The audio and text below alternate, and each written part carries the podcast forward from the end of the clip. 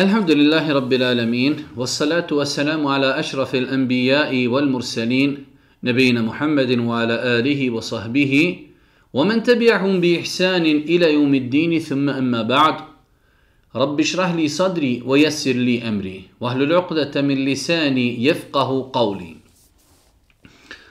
Tu se svaka zahvala pripada uzvišnom Allahu Tebareke ve Ta'ala. Salavat mir i selam na Allahu poslanika, Allahovog miljenika Muhammeda, alihi salatu wasalam. Njegovu časnu porodcu, njegove uzvrte ashabe i sve ljude koji slijede put istine do sudnjega dana. Uvaženi braću i poštovani sestri, uvaženi gledatelji, evo nas u još jednu emisiju koju se družimo sa odabranim kuranskim ajetima. Večeras, uz Allahu subhanahu wa ta'ala pomoć, družimo se sa odabranim ajetima sure El Qalem. Sura El Qalem je jedna od prvih sura koji su objavljene Božijem poslaniku, alihi salatu wasalam, čak neki učenjaci kažu da je to prva sura koja je objavljena nakon sure El Alaq, a sura El Alaq, znamo da su prvi ajeti sure El Alaq objavljeni Božijem poslaniku, alihi salatu wasalam, kao prva objava u Mekki. U svakom slučaju, sura El Qalem je jedna od prvih sura koje su objavljene Božijem poslaniku, alihi salatu wasalam, u toku njegovog boravka u Mekke. Samim činom i samom tvrdnjom da je sura objavljena u Mekki, govorimo da će se mnogo u toj suri govoriti o uzvišenom Allahu subhanahu wa ta'ala, o poslanici, o proživljenju, o džennetu, o džehennemu, o dokazu E, postojanje uzvišnog uzvišenog Allaha te baraka ve ta'ala, o kazni nevjernika, o nagradi vjernicima, jer jednostavno sve sure koje su objavljene u Mekki, najveći akcent e, znači stavljaju na spomenute stvari.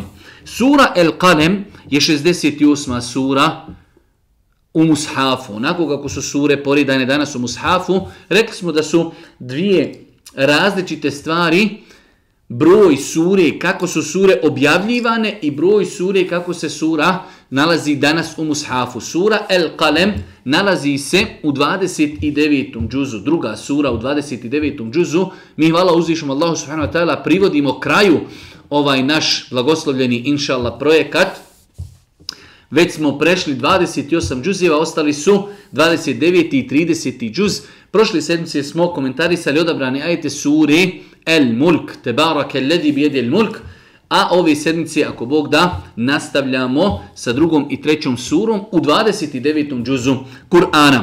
Ova sura ima 52 ajeta i rekli smo da po velikom broju islamskog učenjaka objavljena je među prvim surama koji su objavljene Božijem poslaniku, alihi salatu wasalam, nazvana je surom El Qalem zbog toga što je na početku, u prvom ajetu, spomenuta zakljetva uzvišnog Allah s.w.t. u kojoj se on zaklinje kalemom, perom ili olovkom. Nun wal kalemi wa ma jesturun. Nun tako mi kalema, tako mi pera. I onoga što oni pišu. Pa je zbog toga ova sura i dobila ime, jer je u prvom ajetu uh, uzvišnji Allah s.w.t. zaklinje se kalemom, zaklinje se perom, a, znači onim čime se piše i zapisuje znanje. Uzvišnji Allah subhanahu wa ta'ala počinje ovu suru na način kako su započete mnoge druge sure spominjanjem nekog od harfova, od harfova iz a, arapskog alfabeta pa kaže se nun wal qalami wama yasturun nun tako mi kalema, tako mi pera i onoga što oni pišu, ti nisi milošću gospodara svoga lud. Nun wal qalami wama yasturun. Ma anta bi ni'mati rabbike bi majnun. Tako mi kalema. Uzvišeni Allah subhanahu wa ta'ala na početku ove sure zaklinje se kalemom, zaklinje se perom, zaklinje se olovkom, onim čime se zapisuje i ono što se zapisuje, što ukazuje na bitnost nauke, na bitnost pisanja, na bitnost naobrazbe, rekli smo da uzviše Allah tebara kvetala kada se u Kur'anu zaklinje nečim, uvijek se zaklinje sa velikim i veličanstvenim stvarima. Nama muslimanima nije dozvoljeno da se zaklinjemo ičim osim uzvišenim Allahom, njegovim imenima i njegovim svojstvima. Sve mimo toga je zabranjeno zaklinjati se kjabom, zaklinjati se poslanikom, zaklinjati se e, majkom, ocem i tako dalje. Sve je to zabranjeno. Uzvišen Allah s.w.t. kao gospodar zemlje i nebesa ima pravo, apsolutno, da se zaklinje čime god želi od svojih stvorenja, ali kada god se uzvišeni Allah zaklinje nečim, to ukazuje na veličinu određene stvari. Pa kada se uzvišeni Allah zaklinje kalemom, kada se zaklinje perom, to ukazuje na bitnost e, same te stvari kojim se zaklinje uzvišeni Allah s.w.t. u islamu. Napisana riječ uzima pravila onoga što je izgovoreno. Samim tim kolika je velika blagoda što Allah ljude počastio da govori, Isto tako velika je blagodat što uzvišeni Allah počastio ljude da ono što osjeti, što želu, žele da kažu, mogu da to prenesu pisajući u pisanoj formi na papir. Pa se uzvišeni Allah subhanahu wa ta'ala zaklinje kalemom, zaklinje se perom i onim što pero zapisuje, A odgovor zašto se uzvišeni Allah subhanahu wa ta'ala zaknje kaže ma ente bi ni'meti rabbike bi međnun ti nisi milošću gospodara svoga lud. Mi smo više puta spominjali da su Kurejšije Mekke, Muhammed alihi salatu wasalam, prije nego što je obznanio da je dolazimo objava od uzvišnog Allaha tebaraka ta'ala, bio je jedan od najcijenjenijih ljudi u Mekke. Znači čak su ga zvali El Emin, povjerljivi. Kada, kada je došlo do, do nesuglasica, kada su renovirali, izgrađivali Kjabu, došli su do momenta kada trebaju crni kamen da podignu na mjesto gdje se crni kamen nalazi, imali su veliki problem da to riješi. Pa su rekli prvi čovjek koji uđe u harem, znači u zdanje Kjabe, on će presuditi. Pa kada je ušao Muhammed alihi salatu wasalam, svi su rekli el emin, el emin, došao je povjerljivi. Znači, bilo im je drago što će on biti taj koji će među njima presuditi. Ali, sve dok, do momenta dok nije rekao, ja sam poslan od uzvišnog Allaha da vas pozovem da ostavite robovanje kipovima i lažnim božanstvima, da vjerujete samo u Allaha i da njemu samo i vadete čine tada je odmah postao lud, postao je pjesnik, postao je sihribas, postao je, znači, e, tražili su različite metode, imena, nadimke, ne bili, znači, Božijeg poslanika odvratili od onoga na čemu se on nalazi. Pa Allah Đelešanu se zaklinji kalemom, zaklinje se perom i onim što piše, nisi ti Allahovu milošću Muhammede lud. Nisi ti lud. Čak šta više, Muhammed alihi salatu wasalam bio je jedan od najinteligentnijih ljudi, ako ne i najinteligentniji insan kojeg je uzvišeni Allah subhanahu wa ta'ala stvorio. Pa uzvišeni Allah, stvoritelj zemlje i nebesa, negira, zaklinje se, nisi ti Muhammede lud. Onako kako oni tvrdi, već je to inat, već je to tvrdoglavost njihova, ne žele da prihvate istinu koju ti pozivaš. Pa kaže uzvišeni Allah subhanahu wa ta'ala وَإِنَّ لَكَ لَأَجْرًا غَيْرَ مَمْنُونَ وَإِنَّكَ لَعَلَى خُلُقٍ عَظِيمٍ Kaže uzvišeni Allah, ti ćeš sigurno nagradu neprekidnu dobiti, jer ti si zaista lijepi čudi. Allahu ekbar. Na početku ajeta uzvišeni Allah negira, zaklinje se da je Muhammed alaihi salatu wasalam lud. Kako su oni govorili za njega, nakon toga Allah Đelšanu ne samo da negira da je lud, kaže وَإِنَّكَ لَعَلَى خُلُقٍ عَظِيمٍ Doista si ti, o Muhammede, na visokom stepenu morala. Ili kako je već prevedeno, jer ti si zaista najljepše čudi. Allahu ekber. Uzviši Allah subhanahu wa ta'ala odabrao je Muhammeda alihi salatu wasalam da bude njegov miljenik. Da bude posljednji poslanik cijelom čovječanstvu. Zar, zar bi moglo biti da uzvišeni Allah subhanahu wa ta'ala odaberi nekoga neuzubila koji je luđak, nekoga čije ponašanje je nedolično, odabrao je najboljeg insana, kao što navodi islamski učenjaci, da je Muhammed alaihi salatu wasalam najbolji insan kod uzvišenog Allaha koji je kročio koji je kročio zemljom pa kaže uzvišeni Allah hvalijeći moral Muhammed alaihi salatu wasalam onog istog Muhammeda kojeg danas napadaju i vrijeđaju i potvaraju a te njihove e, potvore i njihova vrijeđanja i njihove karikature ne mogu umanjiti vrijednost Muhammeda alaihi salatu wasalam i čak šta više koliko je ljudi počelo istraživati islam i historiju Muhammeda alaihi salatu wasalam onog momenta kada su zabludjeli zapadnjaci dali sebi tolika prava da vrijeđaju i potvaraju Muhammeda alaihi salatu wasalam a oni Objektivni nevjernici, oni kažu da je to najuticajnija i najbolja ličnost u historiji čovečanstva. Pa uzvišeni Allah kaže wa inneke la'ala huluqin azim. Doista si ti, o Muhammede, na visokom stepenu morala i pogledajte njegov život. Allahu akbar.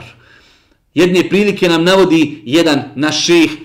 Kaže, pogledajte primjer svako od nas kada bi njegova supruga samo kazala kako se čovjek obhodi kada ga ljudi ne vidi, kako je prema ženi, kako je prema djeci i tako dalje. Muhammed alihi salatu wasalam imao je devet supruga, devet kamera koji su pratile njegove postupke i ponašanja, nikada nećete naći da je neka njegova žena o njemu kazala nešto loše.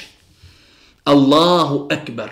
Sav njegov život je prepun lijepih postupaka, lijepog morala, opođenje prema suprugama, opođenje prema starima, prema mlađima, prema prijateljima, prema neprijateljima, prema muslimanima, prema nemuslimanima, prema bolesnicima, prema siromasima, prema životinjama, prema svima. Zašto? Wa innaka la'ala khuluqin 'azim. Doista si ti na visokom stepenu morala. I ova naša vjera, u osnovi, u osnovi, nakon robovanja Allahu, nakon akideta, nakon e, ispravnog vjerovanja, jedna od najtežih stvari u islamu jeste lijep moral, moralnost, čestitost, čednost. Kaže Allah poslanik ali se letu wasalam, i nema bu'iftu, doista sam ja poslan, samo zbog toga, da upotpunim i da usavršim moralne osobine kod vas. Allah me je poslao da vas pozovem da njemu robujete, ali me je poslao da upotpunim, usavršim plemenite osobine kod vas. Kaže Allah poslanik alihi salatu wasalam da ljudi koji imaju najljepše ponašanje, to su najbolji ljudi u islamu. To su ljudi koji će imati najveća dijela na sudnjem danu. Zbog lijepog ponašanja najviše, najviše će ljudi ući u džennet. Zbog lijepog ponašanja e, ljudi će zaslužiti velike stepene kao stepeni postača i stepeni klanjača. Znači, e, u islamu je toliko izrečeno hadisa koji podstiču na lijepo ponašanje. Islam Islam, kada bi ga mogli rezimirati, mogli bi ga rezimirati u jednu stvar. U jedan princip, lijepo ponašanje. Prema svima, prema svakomi. Pa kaže uzvišeni Allah najboljem učitelju, najboljem pedagogu, وَإِنَّكَ لَعَلَى خُلُقٍ la ala azim. Doista si ti na visokom stepenu morala. Pogledajte te divne primjere njegovih postupaka. Čovjek dolazi u mesčit, džamija, mjesto gdje se klanja, mjesto koje ima svoju svetost, dolazi čovjek beduin iz pustinje, jednostavno ne zna kodeks ponašanja u džamiji, ide u jedan čošak džamije, okrenuo se od ljudi i počinje vršiti fiziološku potrebu mokri. Pa su ashabi koji je Allah poslanik odgojio, koji su znali kako se ponašati u džamiji, skočili, htjeli da reaguju, kaže Allah poslanik, pustite ga, gotovo, čovjek počeo. Sada ako ga vi počnete ili vrijeđati ili udarati, još će se više raširiti nečistoća po džamiji. Kada je završio Allahov poslanik ali se letu selam ga je pozvao i kaže ovo je Allahova kuća. Ovo je džamija. Ne doliči ovdje u džamiji da se obavlja fiziološka potreba. Ovdje se klanja, ovdje se zikri, ovdje se uči Kur'an. Pa kaže ovaj ashab, to je najbolji muallim. Nikada me niko nije tako podučio. Kaže, molim Allaha da oprosti samo meni i tebi. Allahu ekber. Najbolji, kaže muallim, Muhammed alihi salatu wasalam, pogledajte kako reagira na greške ljudi, ali su to ljudi radili iz neznanja. Pa je podučavao ljude na najljepši način i takvih primjera u istoriji i životopisu Allahog poslanika imate koliko hoćete. Odlazi Allahog poslanik u Taif, odlazi da ih pozove Allahu, da se spase i na dunjalku i na hiretu. Kako mu oni uzvraćaju? Kamenjem su ga istjerali, raskrvavili Allahov poslanika, ali se letu veselam, pa kada je bio u povratku uzvišeni, Allah mu je poslao Džibrila, ali se letu veselam, i meleka koji je zadužen za brda.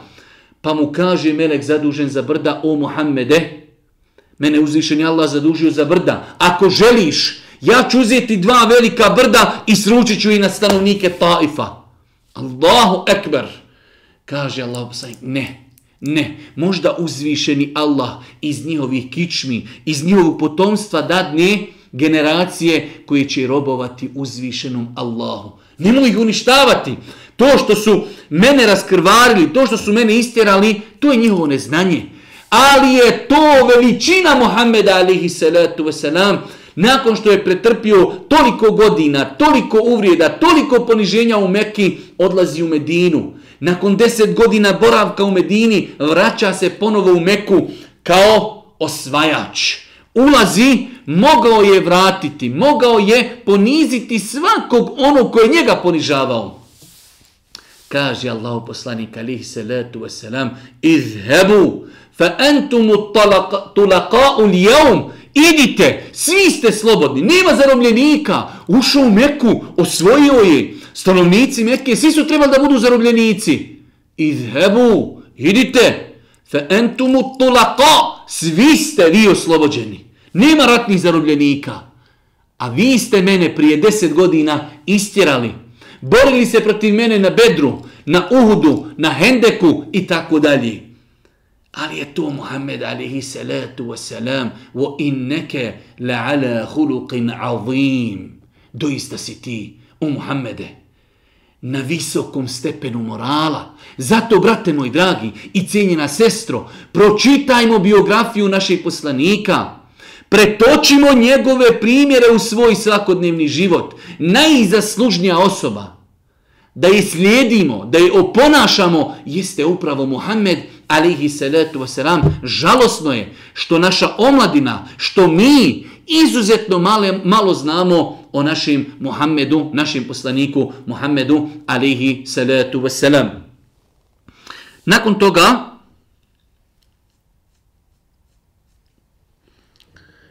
Uzvišen Allah subhanahu wa ta'ala u petom, šestom i sedmom ajetu kaže Fese tu besiru wa yubsirun bi ejikumul meftun inna rabbeka huwa a'lamu biman dallan sabilihi wa huwa a'lamu bil muhtadin i ti ćeš vidjeti, a i oni će vidjeti ko je od vas lud. Doći će vrijeme, pokazat će se o Muhammede i na dunjalku i na ahiretu ko je lud. Muhammed alihi salatu wasalam, koliko su ti ljudi bili kontradiktorni, kako, kako im nije bilo stid. Prije poslanice Muhammeda su smatrali najboljim insanom, najpoštenim, najmoralnim, samo čovjek dolazi preko noći i kaže pozivam vas da robujete samo Allahu odjednom najgori, odjednom sihribaz, odjednom lud, odjednom pjesnik. La ilaha illa. Koliko je to providno, koliko je to jeftino, ali ljudi tvrdoglavi, ljudi puni inata, puni oholosti, ne žele da se pokori, daj izmislit ćemo bilo šta drugo, makar znali u dubini svoje duše da je istina ono čemu poziva i govorili smo e, u nekoliko navrata da su znali kurešije, njihovi uglednici, slušat Kur'an od Božijeg poslanika, pa bi oni kazati, pa bi oni znali kazati, govor kojeg on govori, ono što mu se objavljuje, inne lehu lehalave, doista taj govor koji mu je objavljen ima svoju slast. Slast! Oni su to potvrđivali, ali oholost im nije dala da se pokore. Pa kaže uzvišeni Allah, i ti ćeš vidjeti, a i oni će vidjeti, ko je od vas lud? Gospodar tvoj dobro zna onoga koji je s puta njegova skrinu i on dobro zna one koji su na pravom putu. Gospodar tvoj, o Muhammede, dobro zna te koji ne vjeruju, te koji te potvaraju, ali isto tako dobro zna one koji vjeruju, one koji saburaju, oni koji trpe, oni koji vjeruju u uzvišenog Allaha subhanahu wa ta'ala. Nakon toga uzvišen Allah subhanahu wa ta'ala obraća se Božijem poslaniku, alaihi salatu wasalam, daje mu smjernice koga ne treba da slijedi, Jer Muhammed alaihi salatu wasalam rekli smo da je ovo jedna od prvih sura koji su objavljene, pa da uzvišeni Allah upozorava na neka svojstva ljudi koji ne treba da slijedi. Pa kaže uzvišeni Allah, فَلَا تُطِعِ الْمُكَذِّبِينَ وَدُّوا لَوْ تُدْهِنُوا فَيُدْهِنُونَ. وَلَا تُطِعْ كُلَّ حَلَّافٍ مَهِينَ هَمَّازٍ مَشَّاءٍ بِنَمِيمٍ مَنَّاعٍ لِلْخَيْرِ مُعْتَدٍ أَثِيمٍ عُتُلٍ بَعْدَ ذَلِكَ زَنِيمٍ. أن كان ذا مال وبنين. إذا تتلى عليه آياتنا قال أساطير الأولين. Kaže uzvišeni Allah subhanahu wa ta'ala zato ne slušaj i ne onome koji neće da vjeruje. Mukezibin, oni koji te u laž utjeruju, nemoj da bi im se ti pokorio. Oni traži od tebe da prestaneš sa tim. Oni traži da ostaviš vršili su veliki pritisak na Muhammed Ali salatu selam preko njegove rodbine, preko njegovog djeda, preko njegovog amidži. Tri godine su bili u izolaciji Muhammed Ali salatu selam i oni koji su vjerovali sa njim i njegovo pleme. Kurešije su ih stavili u izolaciju tri godine. Nisu s njima trgovali, od njih kupovali, njima prodavali, nisu se od njih ženili, ništa do te mjere da nisu imali šta jesti. U osnovi to je znači arapski poluotok, pustinja. Još ako te neko izolira, nisu imali šta da jedu, jeli su lišće sa drveća, jeli su kosti, ali nisu posustali. Pa mu Allah Đelšanu kaže, Fela tuti ilmu kezibin, nemoj da se pokoriš onima koji te u laž utjeruju, onima koji ne vjeruju u uzvišenog Allaha subhanahu wa ta'ala. Oni bi jedva do, oni bi jedva dočekali da ti popustiš, pa bi oni popustili. Oni bi jedva dočekali, kao što kažu mu Fesiri, da ti uznevjeruješ, pa bi i oni nastavili da s tobom budu u nevjerstvu. Subhanallahi l'azim, kako je čudan taj insan. I evo danas, na svjetskoj sceni, na koga se najveći pritisak vrši? Ima li kakvog pritiska na kršćane? Ima li kakvog pritiska na židove? Ima li kakvog pritiska na hinduse? Nema. Pritisak je na muslimane. Samo na muslimane da ostave ono na čemu su. Na više mjesta uzvišeni Allah subhanahu wa ta'ala u Kur'anu nas upozorava oni bi voljeli da budete nevjernici kao i oni, da ostavite na on ono na čemu ste vi. Haseden min indijem fusihim. Zavidni su vam zbog onoga na čemu se vi nalazite. Neki dan sam govorio o tome. Hvala uzvišenom Allahu. Muslimani vjeruju svakog poslanika. Muslimani uvjet ispravnosti naših vjerovanja je moraš vjerovati u sve poslanike. Ne smiješ uvrijediti Isusa. Isu alihi salatu wasalam. Ne smiješ uvrijediti Musa alihi salatu wasalam. Da kažeš ja sam musliman, a ne vjerujem u Isusa, nije ti ispravno vjerovanje. Da kažeš ja sam musliman, ne vjerujem u Musa, nije ispravno ti je vjerovanje. Elhamdulillahi rabbil alamin. Po svakoj verziji mi dobivamo. Mi smo u pravu. Vjerujemo mi u Musa alihi salatu wasalam da ga je Allah poslao i da mu objavio Tevrat. Mi vjerujemo u Isusa i da mu je uzvišeni Allah objavio Inđil ali vjerujemo u Muhammeda, alaihi salatu wasalam, da je posljednji Allahu poslanik, da je njegova poslanica, Kur'an, derogirala se prethodne poslanice, da je jedina ispravna vjera kod Allaha, nakon slanja Muhammeda, inna dina inda Allahi islam, kod Allaha, jedina, ispravna vjera je islam. Ko hoće bujrum? La ikrahe fi din, nema nasilu uvođenja ljudi u islam. Nikoga ne silimo da uđu u islam. Kod Allaha jedina vjera je prihvatljiva islam. Evo dokazi, evo Kur'an, evo sunnet, evo racionalni dokazi. Želiš bujrum, ne želiš, sretno. Inne dine inda Allahi el islam. Pa kaže uzvišeni Allah subhanahu wa ta'ala, zato ne slušaj, ne slijedi, ne pokoravaj se onima koji neće da vjeruju. Oni bi jedva dočekali da ti popustiš pa bi oni popustili. Jedva čekaju, kao što kažu mu Fesiri, da ti uznevjeruješ, da ti ostaviš to na čemu si, pa bi oni s tobom išli u nevjerstvo. I ne slušaj nijednog krivoklijetnika. Nemoj slušati one koji se mnogo zaklinju, koji se lažno zaklinju na uzvišenog Allaha, prezrena, klevetnika, Nemoj slušati klevetnike koji mnogo kritikuju ljude, koji se ismijavaju sa ljudima kao što je spomenuto u tefsiru. I nemoj slijediti onoga koji tuđe riječi prenosi, onaj koji gibeti, koji ogovara. Pogledajte kako loše osobine spominje uzvišeni Allah, onaj ko se ismijava sa ljudima, onaj koji prenosi tuđe riječi drugima, škrtaca, nasilnika, škrtaca, onaj koji ima, Allah ga obskrbio, ne želi da udjeljuje niti ono što mu je obaveza, niti ono što mu je pohvalno, nasilnika, gordog, oholog, velikog griješnika. Surovog, osim toga, u tuđe pleme uljeza. Samo zato što je bogat i što ima mnogo sinova, koji govori kada mu se ajeti našu kazuju, to su samo naroda drevnih priče. Nemoj slijediti oni koji imaju samo i metak, misle da im se svi moraju pokoriti, kada im se Allahove riječi kazivaju, kaže, to su kazivanja naroda drevnih.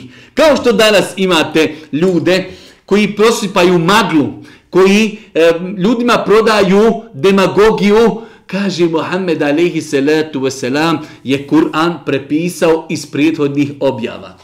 To ne može reći neko ko je pročitao pola Kur'ana. Da ne reknemo da neko ko je pročitao cijeli Kur'an i neko ko je studiozno pristupio Kur'anu.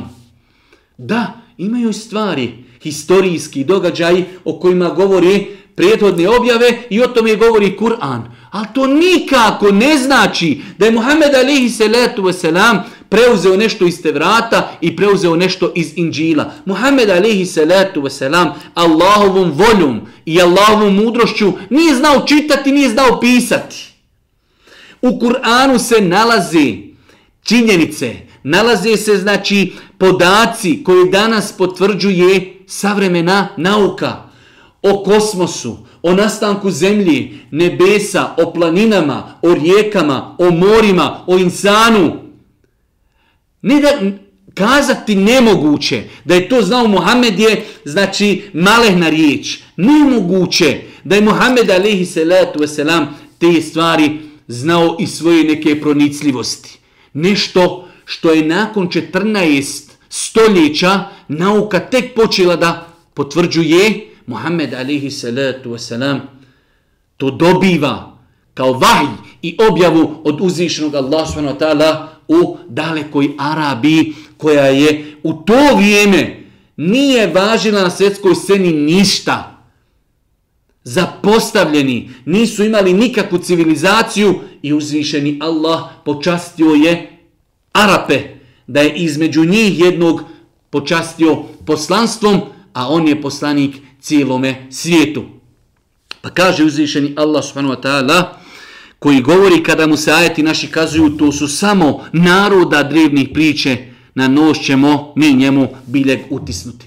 Pogledajte te njihove izgovore, to su kazivanja naroda drevnih, samo nemoj da prihvatimo istinu. I danas imate ljudi, iako Allah Đelešanu daje dokaz nekada kroz te ljude koji istražuju koliko imate ljudi koji su javno rekli, imao sam za cilj, Istraživao sam Kur'an da nađem u Kur'anu kontradiktornost. da nađem nešto netačno. Pa sam se trudio godinama dok nisam shvatio da u Kur'anu nema jedan harf, jedno slovo netačno. Nema nijedne kolizije, nijedne kontradiktornosti.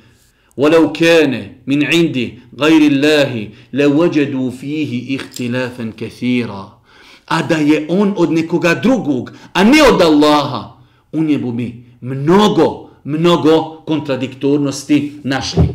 Ali je Kur'an apsolutno svaki harf, svako slovo sačuvan od uzvišenog Allaha, apsolutna istina.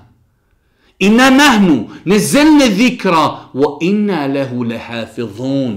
Doista mi objavljujemo Kur'an i mi ćemo bdjeti nad njime. Uzvišeni Allah garantuje da će on čuvati Kur'an do sudnjega dana bez ikakvog iskrivljenja. Jedina nebeska knjiga koja je objavljena ljudima i ostala autentična, jer je uzvišeni Allah to garantirao, jeste Kur'an. Sve prethodne knjige, bez obzira, ko hoće nek svati, ko hoće nek se ljuti, sve prethodne knjige su doživjele velika, velika iskrivljenja, osim Kur'ana, u kojim nema dodatniti oduzeti samo jedan harf.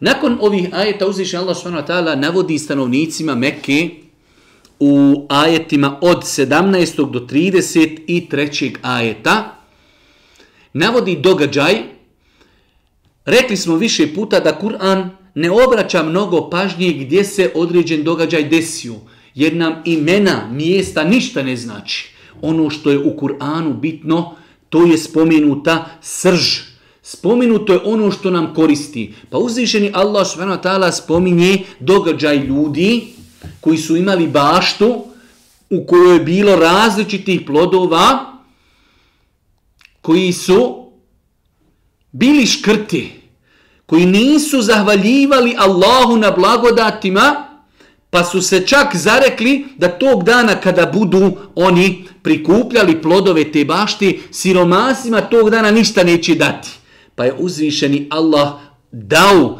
uništio tu svu baštu. Tako kažu islamski učenjavci, mufesiri od kojih Ibnu Kesir i drugi, uzvišeni Allah navodi primjer kurešijama tog događaja, tih vlasnika te bašte, da oni uporede sebe i svoj hal i svoje stanje, Allah im šalje Muhammed alaihi salatu wasalam, planetarnu ličnost, šalje im najboljeg svog groba da ih pozove Allahu i oni kako su mu odgovorili? Odgovorili su mu što su se borili protiv njega, što su poricali ono čemu poziva, što su se ismijavali sa njim, što su ga bojkotovali i tako dalje. Pa im Allah Đelešanu navodi primjer, a vidjet ćemo kako je i završio taj primjer. Uništena bašta, a još gori od svega toga, to je dunjalučka kazna a još gori od toga je ahiretska kazna. Tako se desilo i sa mnogim kurešijama. Iskusili su dunjalučku kaznu. Ubijeni na bedru. Ubijeni u bici na ahzabu. A tek istinska kazna dolazi na ahiretu. Pa kaže uzvišeni Allah Inna belewnahum kema belewna ashabel dženne. إذ أقسموا ليسرمنها مصبحين ولا يستثنون فطاف عليها طائف من ربك وهم نائمون فأصبحت كالصريم فتنادوا مصبحين do kraja ajeta. Kaže uzvišeni Allah, mi smo ih na kušnju stavili. Kurešije. Mi smo ih stavili na kušnju. Kurešije. Slanje Muhammeda alihi salatu wasalam, oni su stavljeni na kušnju. Hoće li ga prihvatiti? Hoće li povjerovati? Ili će ga protjerati? Pa će dopustiti da tu veliku slavu uzme neko drugi. Uzeli su je stanovnici Medine sve do sudnjega dana. Stanovnici Mekke protjerali Muhammeda, a stanovnici Medine mu otvorili svoja vrata bujrom, dajemo svoje živote, dajemo svoje imetke da bi pomogli Allaha subhanahu wa ta'ala, njegovog poslanika i njegov vjeru. Pa kaže uzvišeni Allah, mi smo ih na kušnju stavili. Koga? Kurešije. Kao što smo vlasnike jedne bašće na kušnju stavili, kada su se zaklijeli da će je sigurno rano izjutra obrati, a nisu rekli ako Bog da. Uzvišnji Allah navodi primjer te bašti, rekli smo, navodi se u knjigama tefsira da se to, da se e, vlasnik te bašte i da se taj događaj desio negdje u Jemenu, ali to nama nije bitno. Nama je bitna poenta. Allah Žešan navodi primjer ljudi koji su imali baštu. Mufesiri navode da se radilo o sinovima jednog ugljednog i pobožnog čovjeka koji imao tu veliku baštu i mnogo je dijelio sirotinji pa je on umro, ostala su djeca iza njega, jednostavno, koja nisu željela da nastave onako kako je njihov babo živio, pa kaže uzvišeni Allah, kao što smo vlasnik jedne bašće na kušnju stavili, kada su se zaklijeli da će je sigurno rano izjutra obrati, a nisu rekli ako Bog da. Zaklijeli su, idemo sutra, sutra je vrijeme da beremo našu baštu, nisu rekli inša Allah. Veoma je bitno da vjernik nauči šta god da govori o budućnosti, da to vezuje za Allaha. Sutra, ako Bog da, putujem. Sutra, inša Allah, idem. Sutra, ako Bog da, ću raditi to i to. Insan uvijek treba da svoje postupke vezuje za Allahovu dozvolu, za Allahovo odobrenje riječima inša Allah. Sutra, inša Allah, idem. Ako Allah dopusti, ako Allah dozvoli, a ne može čovjek odgovorno reći, sutra putujem. Ne, možda nećeš otputovati. Ti ne znaš budućnost. Pa je lijepo da čovjek kada govori o budućnosti, da to vezuje za Allahovo dozvolu i odredu, pa da kaže inša Allah. Pa kaže, Allah Žešanu ovdje kori i kaže, rano izjutra ćemo je obrati, a nisu rekli, ako Bog da. I dok su oni spavali, nju od gospodara tvoga zadesi nesreća i ona osvanu opustošena. Dok su oni spavali, naveće se dogovarali, idemo sutra da oberimo našu baštu, dok su oni lagodno spavali, došlo je nevrijeme koje Allah Žešanu poslao i uništilo svu baštu. A u zoru oni se jedni, e, a u zoru oni su jedni druge dozivali. Poranite u bašću svoju ako je mislite obrati. I oni krenuše tiho razgovarajući. Aha, tiho, nemoj da ko čuje da idemo kako ne bi siromasi došli da traže nešto od nas. Pa kaže uzvišani Allah i oni krenuše tiho razgovarajući, neka vam danas u nju nikako, nijedan siromah ne ulazi. Dogovaraju se braća između se, idemo tiho obrati našu baštu, nek niko ne zna da mi berimo kako nam siromasi ne bi dolazili i tražili svoj udio u onome našem imetku. I oni poraniši, uvjereni da će moći to provesti. A kada je ugledaše povikaše, mi smo zalutali. Oni kada su došli, kada su vidjeli svoju baštu uništenu, kažu mi smo pogriješili, nije ovo naša bašta, negdje treba da idemo na drugo mjesto kakvu je kaznu uzvišeni Allah poslao na njihovu baštu da je nisu mogli prepoznati. Inna le dalun, ma mi smo zalutali, ovo nije naša bašta. A prije toga kažu, idemo sutra da oberemo.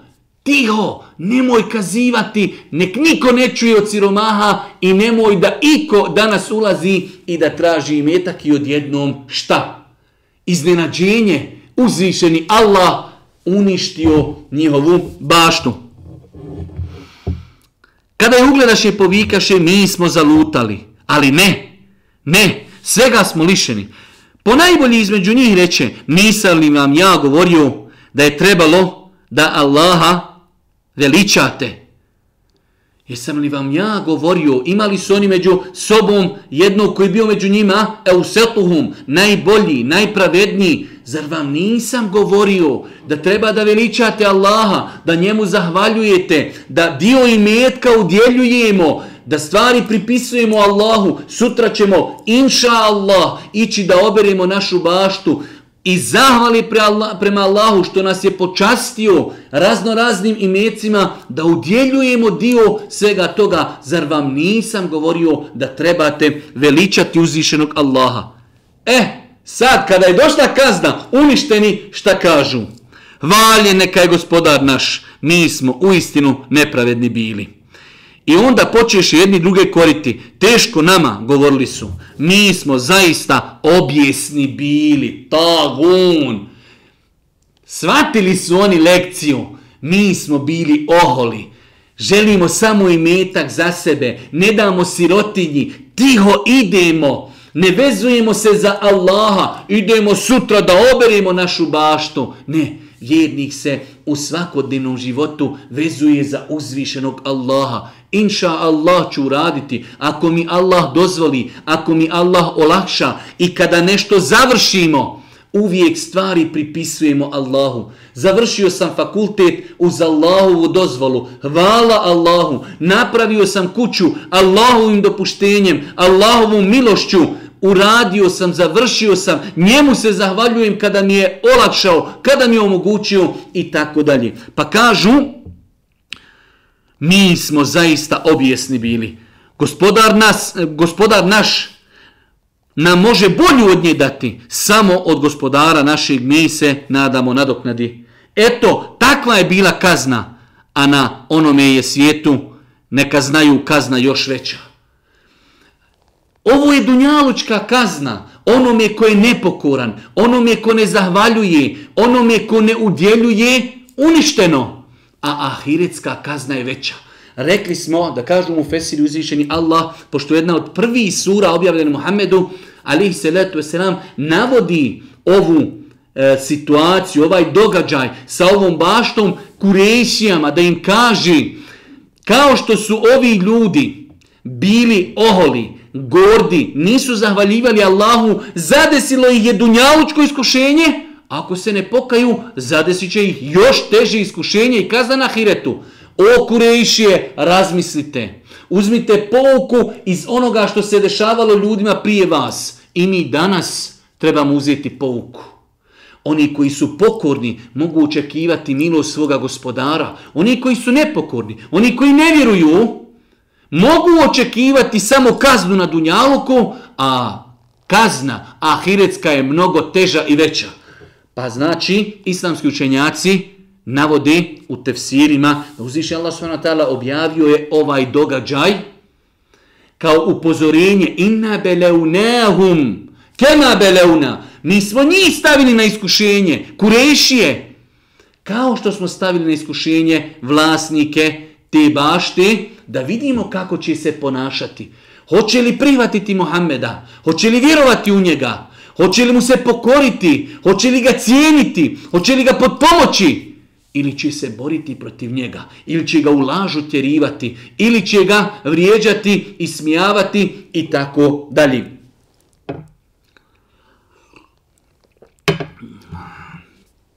Nakon toga uzvišnji Allah s.w.t govori nakon što je govorio o, o iskušenju stanovnicima kazna, nakon toga govori o stanovnicima dženneta, pa kaže inne lil mutaqine inda rabbihim džennatin na'im, efe neđa'alu lil muslimine kel muđrimine, ma lekum kejfe tahkumun.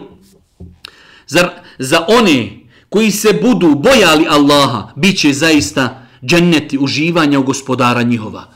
Inne lil muttaqine, oni koji se budu bojali Allaha u dunjalučkom životu.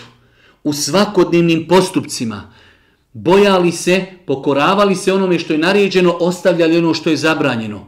I u odnosu prema gospodaru, i u obhođenju prema ljudima, i na poslu, i prema porodici, boje se Allaha. Poštuju njegove propise, inne lil muttaqine inda rabbihim, džennatin na'im. Oni koji se budu bojali Allaha, Na ahiretu ih čekaju dženneti, džennetske baše kod njihova gospodara, zbog njihove pokornosti zaslužili su Allahu milost.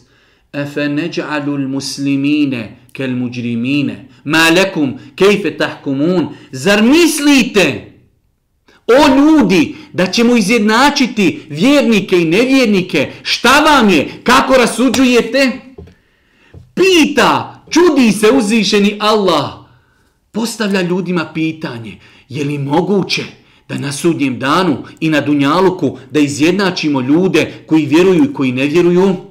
oni koji su pokorni, oni koji su nepokorni. Šta vam je? Kako rasuđujete? Je li moguće da insan koji svoj život, koji svoj život usaglasio sa onim što od njega traži njegov gospodar, radi ono što je naređeno, ostavlja ono što je zabranjeno, ustao na saba, abdesti, klanja, ne krade, ne vara, ne ide u kladioncu, obara pogled, čuva i metak, odgaja porodcu, mogu li biti isti on i onaj koji ne klanja, onaj koji vara, onaj koji krade, onaj koji ne vjeruje?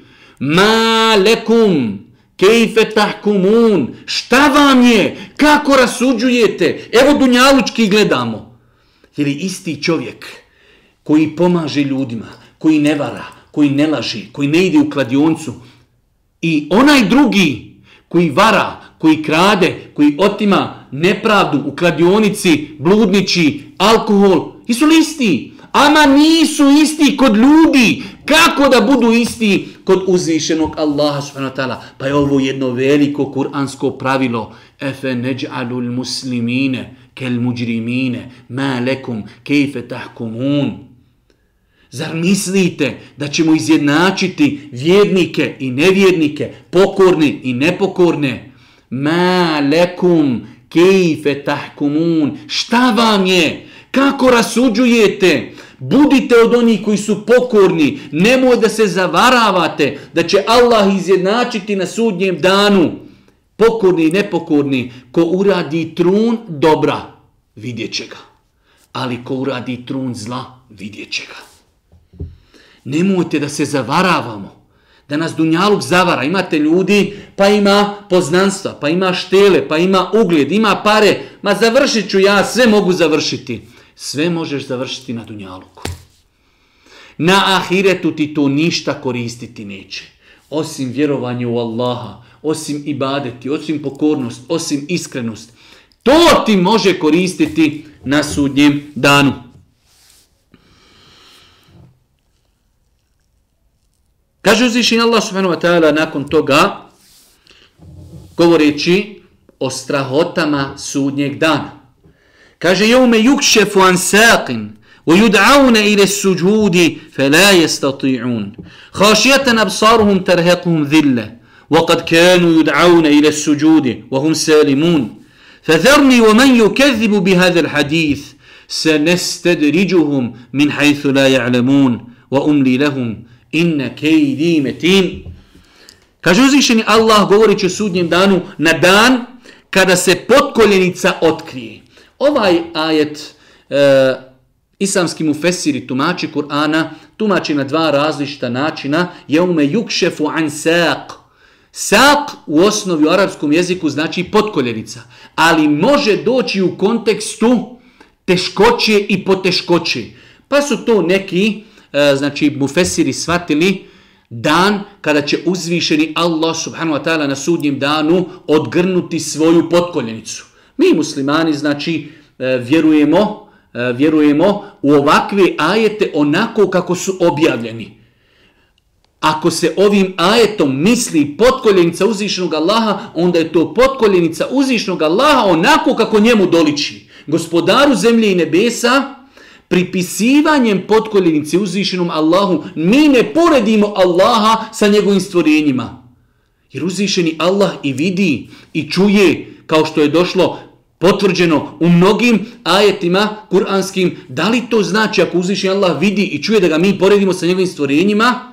Ne! Uzvišeni Allah, njegova svojstva su apsolutna, potpuna, savršena. Allah Đelšanu se opisuje da ima oči, da ima ruku, da ima stopalo. Šta je problem? Neki muslimani imaju problem da takvu stvar pripišu uzvišenom Allahu, smatrajući da se time Allah Đelešanu e, poredi sa svojim stvorenjima. Nikako. Kada se takve stvari spomenute u Kur'anu i sunnetu Božijeg poslanika pripisuju Allahu, pripisuju se na način kako njemu doliči. Pa po jednom tefsiru Jaume yukšefu an saq, onog dana kada bude otkri, kada, na dan kada se potkoljenica otkrije. Po drugom tefsiru, dan kada bude nepodnošljivo. Znači u ovom kontekstu ovaj ajet se može shvatiti i na drugi način sudnji dan kada bude nepodnošljiva muka, pod, znači ispitivanje, računanje, polaganje računa, džehennem, kažnjavanje u danu, na dan kada bude nepodnošljivo i kada budu pozvani da licem na tlo padnu, pa ne, mogu, pa ne budu mogli. U danu, tom, na sudnjem danu, nepodnošljivom danu, bit će robovi Allahovi pozvani da padnu na seđdu. Pa će jedni se pokoriti, a jedni neće moći. Koji će biti pokorni, koji neće? Koji će moći, koji neće?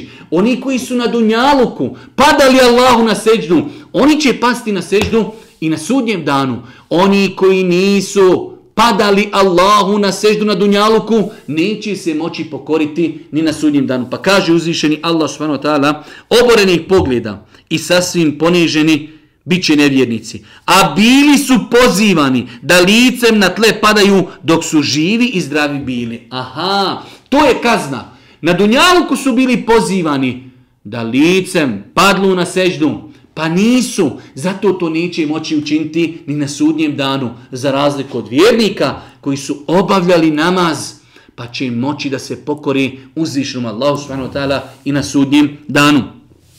Zato ostavi mene i one koji ovaj govor poriču. Mi ćemo ih postepeno, odakle se i ne nadaju, patnji približavati i vremena im davati. Mi ćemo ih nestederiđuhum, Mi ćemo ih patnji približavati odakle oni ne osjeti. Pazite, braćo draga, ovaj istidrađ je opasna stvar. Mnogi ljudi su pali na ovom ispitu. Istidrađ. Čovjek ne klanja, ne posti, vara, krade, bludniči, a sve mu u životu ide. I metak, zgrade, auta, ugled, biznis. Ma kaže, pa ja sam na istini. Dok mi ovo sve ovako ide, isti drađ. Allah ga uvlači u kaznu odakle se oni ne nada. Pa nemoj da vas obmani kada vidite čovjeka kojim dunjaluk je Allah otvorio nepokoran Allahu. To je isti drađ. Zavaravanje, uvlačenje insana u kaznu. Pa pogledajte kako kaže uzvišeni Allah mi ćemo ih postepeno, odakle se i ne nadaju patnji približavati. Se ne stederiđu hum. Mi ćemo ih patnji približavati, uvoditi ih, uvlačiti, odakle se i ne nadaju. Jedna od metoda jeste da Allah insanu otvori dunjaluk. I zdravlje, i supruga, i djeca, i metak, i ugled, i biznis, sve ide. Vidi tamo onaj klanja jadnik i posti i supruga i djeca, sirotinja, bijeda, da je istina ono na čemu su oni, ne bi takvi bili. Tako oni gledaju. Nemojte da vas to zavara. Zapamtite veliko pravilo. Kad noćas ne bi zapamtili ništa, osim ovo, naučili smo mnogo. Uzvišeni Allah, kada nekome daje i daruje i metak, ne znači da ga voli. Uzvišeni Allah kada nekome daje i daruje i metak, otvaraju mu dunjalučke riznice, ne znači nikako da ga voli. Jer uzvišeni Allah dunjaluk daje i vjernicima i nevjernicima. A ahiret daje samo vjernicima. S druge strane, kada vidite da je uzvišeni Allah nekom uskratio dunjaluk, to nikako ne znači da Allah tu osobu mrzi. Pa mu zbog toga uskratio. Nikako. Ovo moramo naučiti. Ovo moramo zapamtiti. Kada vidite sirotinju, kada vidite bijedu, nemoj da misliš zbog toga da njih Allah ne voli, da ih je zaboravio, da je ljut na njih. Čak šta više, to može biti pokazatelj njegove ljubavi prema njima. Kao što je došlo u vjerodostojnom hadisu, kaže Allah poslanik, alihi salatu wasalam, kada Allah zavoli svoga roba, on ga stavi na iskušenja, razno razna iskušenja dunjalučka. Pa u pogledu dunjaluka moramo znati kada vidimo da nekom dunjaluk je otvoren. To ne znači da ga Allah voli. Može biti, ali nije obaveza. Kada vidimo da je nekom je uskraćen dunjaluk, To nikako ne znači da uzvišeni Allah mrzi tu osobu.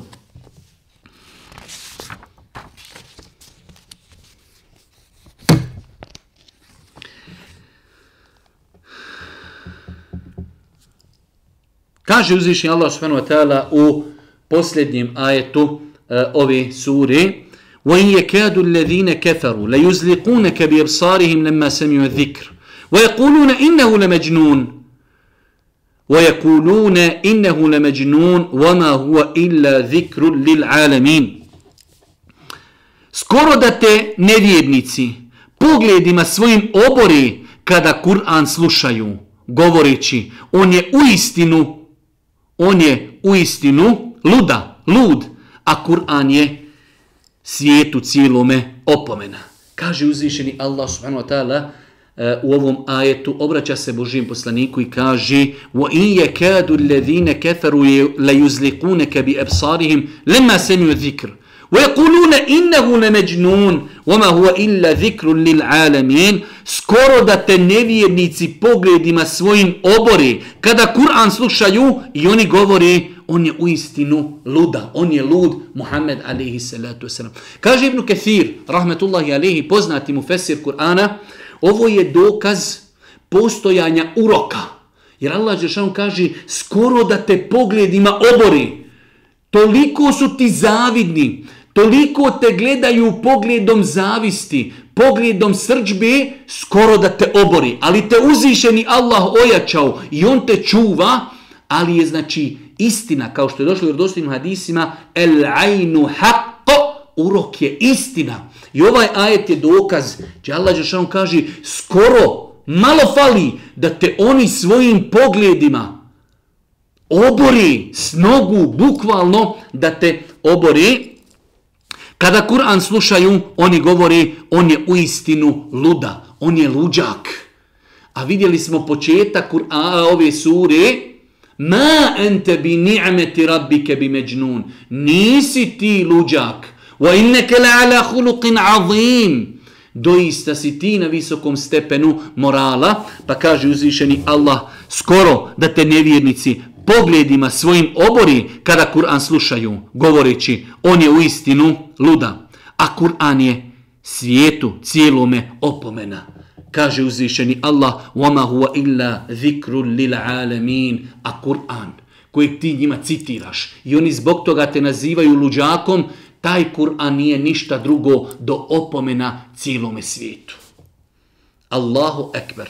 Wama huwa illa zikrun lil alamin. Na više mjesta uzvišeni Allah subhanahu wa ta'ala u Kur'anu spominje ovu činjenicu. Kur'an je opomena, upozorenje cijelome svijetu. Poslanica s kojom je došao Muhammed alihi salatu wasalam sveobuhvatna je. Kaže Allah poslanik u vjerodostojnom hadisu prijašnji poslanici slati su svome nasilju, svome mjestu, svome gradu, svojoj pokrajini, za razliku od mene, poslan sam cijelome svijetu. Pa je to jedna odlika kojom je uzvišeni Allah odlikovao Muhammeda alihi salatu wasalam da je poslan cijelome svijetu. Da je njegova poslanica obavezujuća za cijeli svijet. Na kraju, pošto smo spomenuli E, da ovaj ajet potvrđuje prisustvo uroka, velik broj ljudi ima problema sa urokom. E, trebamo znati kada je u pitanju urok po islamu, urok je istina. Kao što je rekao Allah poslanik Ali se letu sram, što znači e, pogledom očiju se nešto može ureći.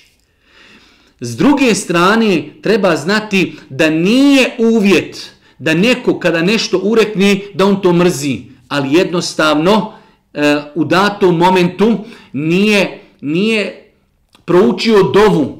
Nije jednostavno zaštitio to što gleda od svoga pogleda, pa je jednostavno određena stvar ureknuta, iako osnova je, osnova je da ljudi ureknu određenu stvar zato što su zavidni. Ali može se desiti da bude urekna, ureknuta određena stvar i od osobe koja nije zavidnik. Insan, vjernik, treba da se čuva od uroka namazom zikrom, jutarnji zikr, večernji zikr, dova, prilikom izlaska iz kuće, prilikom ulaska u kuću i tako dalje. Znači zikrovi, dove, namaz, dova uzvišenom Allahu subhanahu wa ta'ala. Allah poslanik kaže u vjerodostojnom hadisu Iza ra'a ahadukum min ahihi ma ju'đibuh, fel jed'u lehu bil barakeh kada neko od vas vidi kod svoga brata nešto što je lijepo, što mu se svidjelo, što ga fascinira, neka dovi Allahu tom insanu za beričet. Kad vidite kod insana dobro auto, nećemo kazati, ne, kažemo, maša Allah, Allahu ekber, maša Allah, Allaha molim da ti podari beričet, molim Allah Žešanu ti podari dobro tog auta, da te zaštiti svakog zla.